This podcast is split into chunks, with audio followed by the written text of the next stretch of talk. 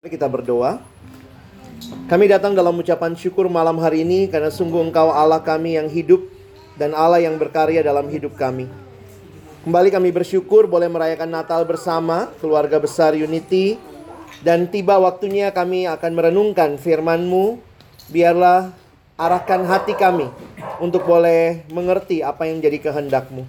Waktu ke depan kami serahkan dalam tangan pengasihan-Mu dalam nama Yesus kami berdoa. Amin. Kita baca satu ayat atau satu bagian ayat dari Matius 1. Matius 1 ayatnya yang ke-21. Matius 1 ayat 21 sampai Matius 1 ayat 23. Kita baca dari 21 sampai 23. Saya baca dulu ayat yang ke-20, teman-teman tolong nanti langsung 21, 22 dan 23 ya. Tetapi ketika ia mempertimbangkan maksud itu, malaikat Tuhan nampak kepadanya dalam mimpi dan berkata, "Yusuf anak Daud, janganlah engkau takut mengambil Maria sebagai istrimu, sebab anak yang di dalam kandungannya adalah dari Roh Kudus." Ia akan melahirkan anak laki-laki dan engkau akan menamakan dia Yesus. Karena dia yang akan. Hal itu terjadi supaya genaplah yang difirmankan Tuhan oleh Nabi. Sesungguhnya anak itu akan dan mereka akan yang.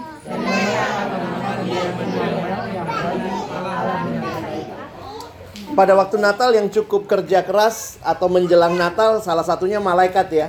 Datengin Yusuf, datengin Maria, datengin gembala begitu ya.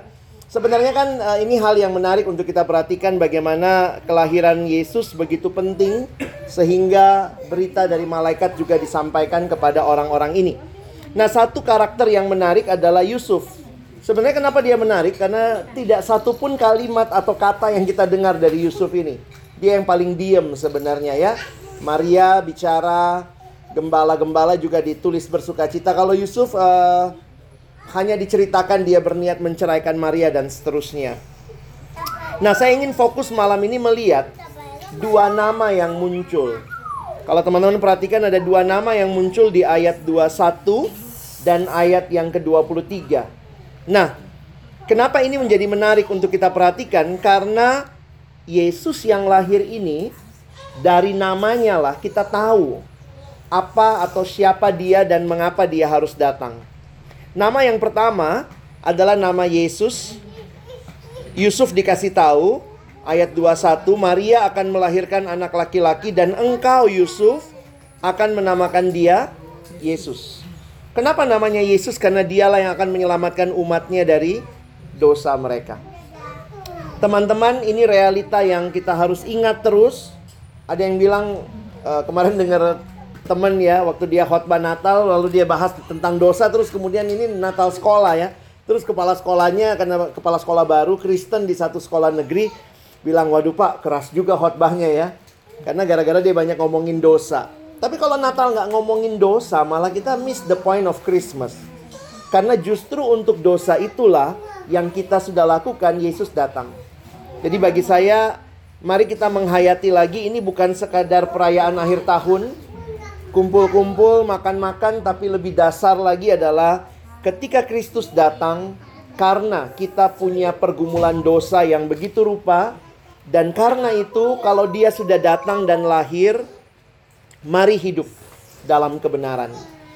Kalau mungkin ada pergumulan, hal-hal yang kita suka, tapi kita tahu Tuhan tidak suka, mari kita belajar meninggalkan dan kita hidup bagi Tuhan.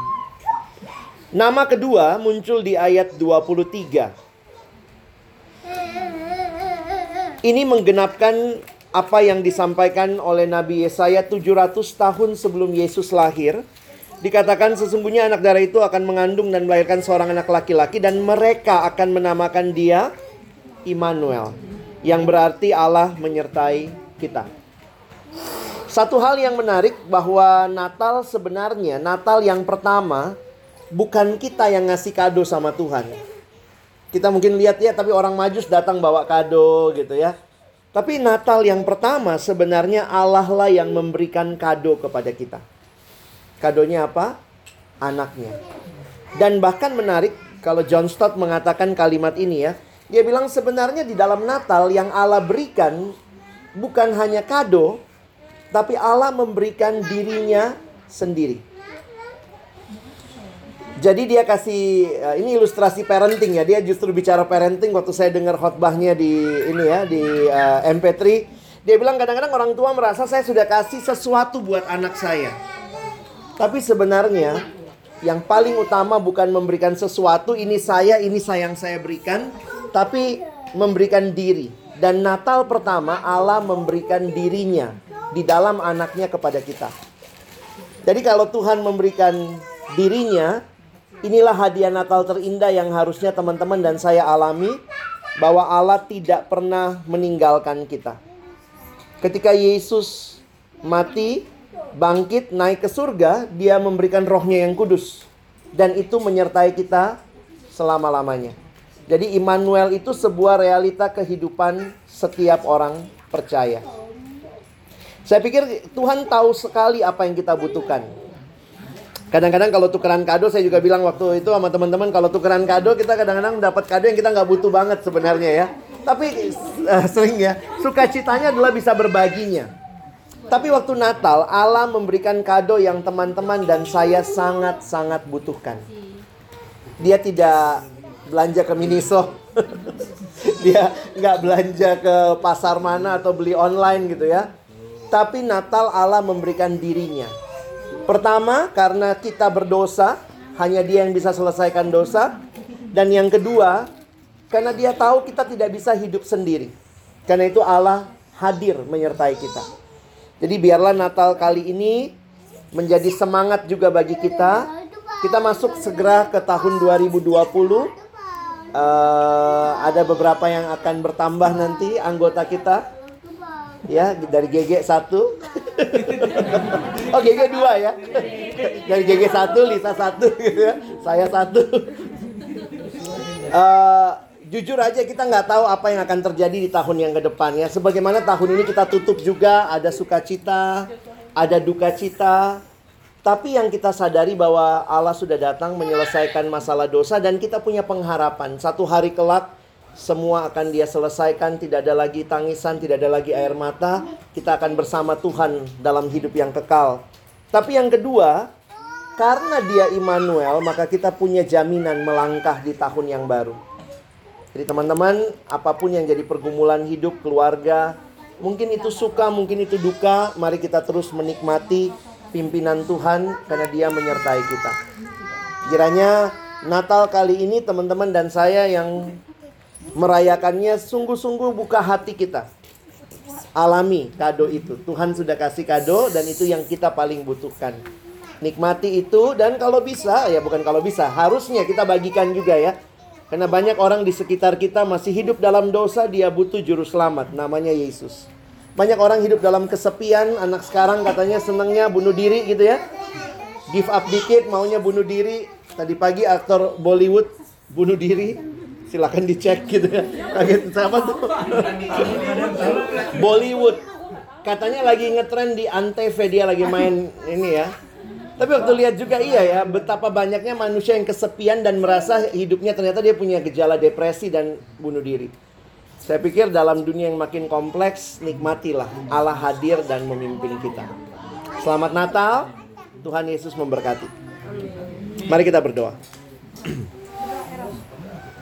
Tuhan terima kasih Natal sekali lagi kami rayakan dan kami sadar yang datang adalah Yesus Kristus, Tuhan dan Juru Selamat kami, Immanuel, Allah menyertai kami. Terima kasih karena Natal kau memberikan dirimu ya Tuhan. Karena kami sangat membutuhkan engkau di dalam hidup kami. Tanpa manusia, engkau Allah tetap Allah. Tapi kami manusia tanpa Allah, kami nothing. Karena itu ingatkan kami terus untuk menikmati hadiah yang indah. Kehadiranmu dalam hidup kami. Tolong kami tidak menikmati dosa terus-menerus, tapi hidup dalam kebenaran. Tolong kami berani melangkah maju, karena kami tahu ada Tuhan yang menyertai kami. Terima kasih tahun ke depan kami jelang bukan dengan ketakutan tapi dengan keyakinan ada Allah yang mengasihi kami dan berjalan bersama kami. Berkati keluarga kami masing-masing dalam berbagai pergumulan. Kami sangat menyadari kami membutuhkan Tuhan. Ini doa kami dalam nama Yesus kami berdoa, kami bersyukur. Amin. Terima kasih Alex untuk renungannya. Untung ya.